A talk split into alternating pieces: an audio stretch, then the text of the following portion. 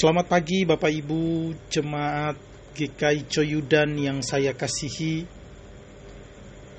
Sebelum kita memulai seluruh aktivitas kita pada hari ini Mari kita sama-sama merenungkan firman Tuhan.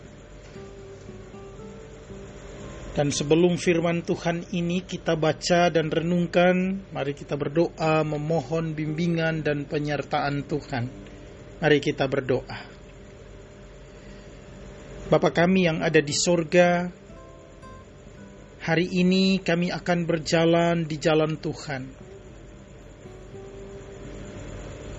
Dan biarlah firman-Mu yang terus menuntun kami.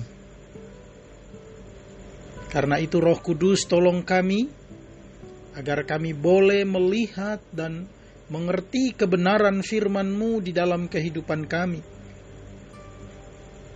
agar namamu selalu kami muliakan. Dalam nama Tuhan Yesus firman yang hidup kami berdoa. Amin. Bapak Ibu yang saya kasihi, pada pagi hari ini firman Tuhan kita baca dari surat Paulus kepada jemaat di Filipi. Filipi pasal 4 ayat 7. Filipi pasal 4 ayat 7 yang berbunyi Damai sejahtera Allah yang melampaui segala akal akan memelihara hati dan pikiranmu dalam Kristus Yesus. Amin. Bapak Ibu yang saya kasihi, tema renungan kita hari ini adalah damai sejahtera Kristus bagi kita semua. Tahukah kita bahwa sapaan khas untuk dan dari orang Kristen adalah shalom atau damai sejahtera? Ini bukan ikut-ikutan atau latah. Sebab kondisi damai sejahtera ini memang menjadi doa bagi terwujudnya final destination yang dijanjikan oleh Allah bagi umatnya. Sekaligus kekuatan penyertaan yang melintasi tempat dan kondisi yang banyak tantangan atau penderitaan. Karena itu ada dua hal yang perlu kita pahami khususnya tentang perihal damai sejahtera ini. Yang pertama adalah tempat yang penuh damai sejahtera sebagaimana digambarkan kitab Imamat 26 ayat 6 berbunyi dan aku akan memberi damai sejahtera di dalam negeri itu sehingga kamu akan berbaring dengan tidak dikejutkan oleh apa pun. Aku akan melenyapkan binatang buas dari negeri itu dan pedang tidak akan melintasi di negerimu. Damai sejahtera akan tinggal bersama domba dan macan tutul akan berbaring di samping anak kambing. Anak lembu dan anak singa akan makan rumput bersama-sama. Itu juga yang kita lihat di dalam Yesaya pasal 11 ayat 6. Yang kedua, hidup yang tetap terarah kepada Allah dalam segala situasi, baik susah maupun senang, baik saat bebas maupun terbatas. Bahkan dalam pembuangan di Babel sekalipun Allah berkata, Sebab aku ini mengetahui rancangan-rancangan apa yang ada padaku mengenai kamu, yaitu rancangan damai sejahtera dan bukan rancangan kecelakaan untuk memberi kepadamu hari depan yang penuh harapan. Sebagaimana yang kita baca di dalam Yeremia 29 ayat 11. Jadi damai sejahtera adalah momen ketika Tuhan menyinari kita dengan wajahnya dan memberi kita kasih karunia atau manakala Tuhan menghadapkan wajahnya kepada kita dan memberi kita damai sejahtera. Itu juga yang tertulis di dalam Bilangan 6 ayat 24 sampai 26. Itulah sebabnya sapaan damai sejahtera menjadi doa berkat yang wajib disampaikan dalam ibadah gereja Tuhan sampai hari ini.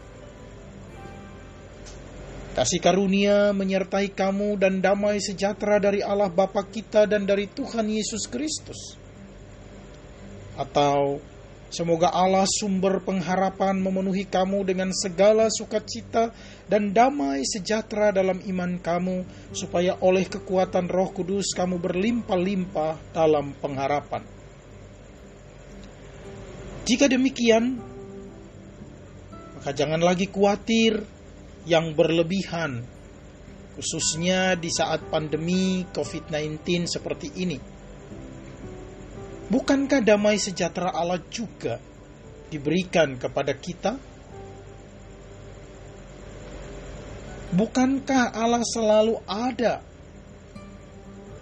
Dan kehadirannya itu menunjukkan damai sejahtera di dalam kehidupan orang percaya. Jadilah tenang, biarlah damai sejahtera Allah yang melampaui segala akal akan memelihara hati dan pikiranmu dalam Kristus Yesus.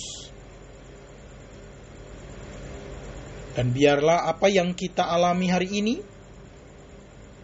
apa yang kita wujudkan hari ini, semuanya itu juga melahirkan damai sejahtera untuk orang-orang yang ada di sekeliling kita.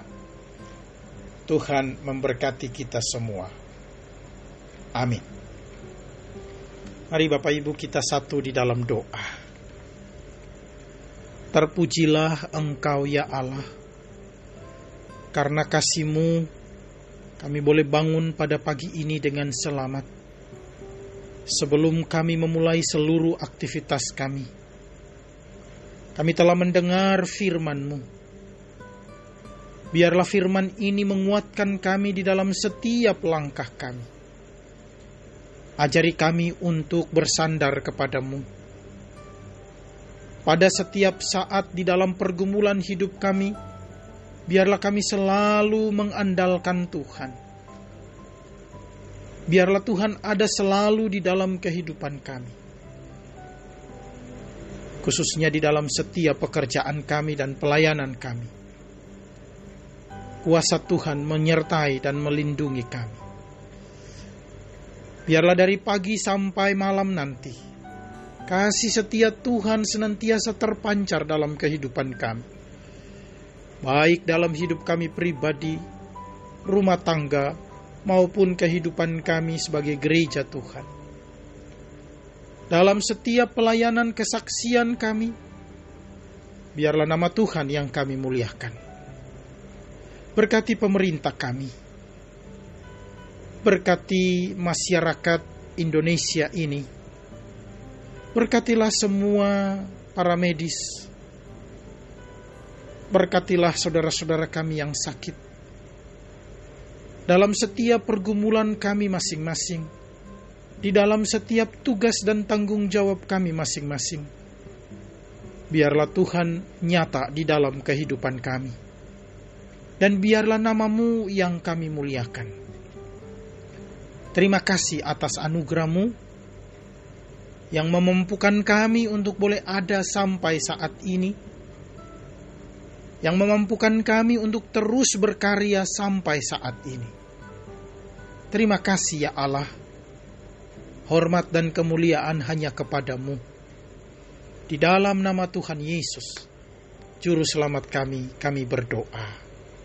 Amin.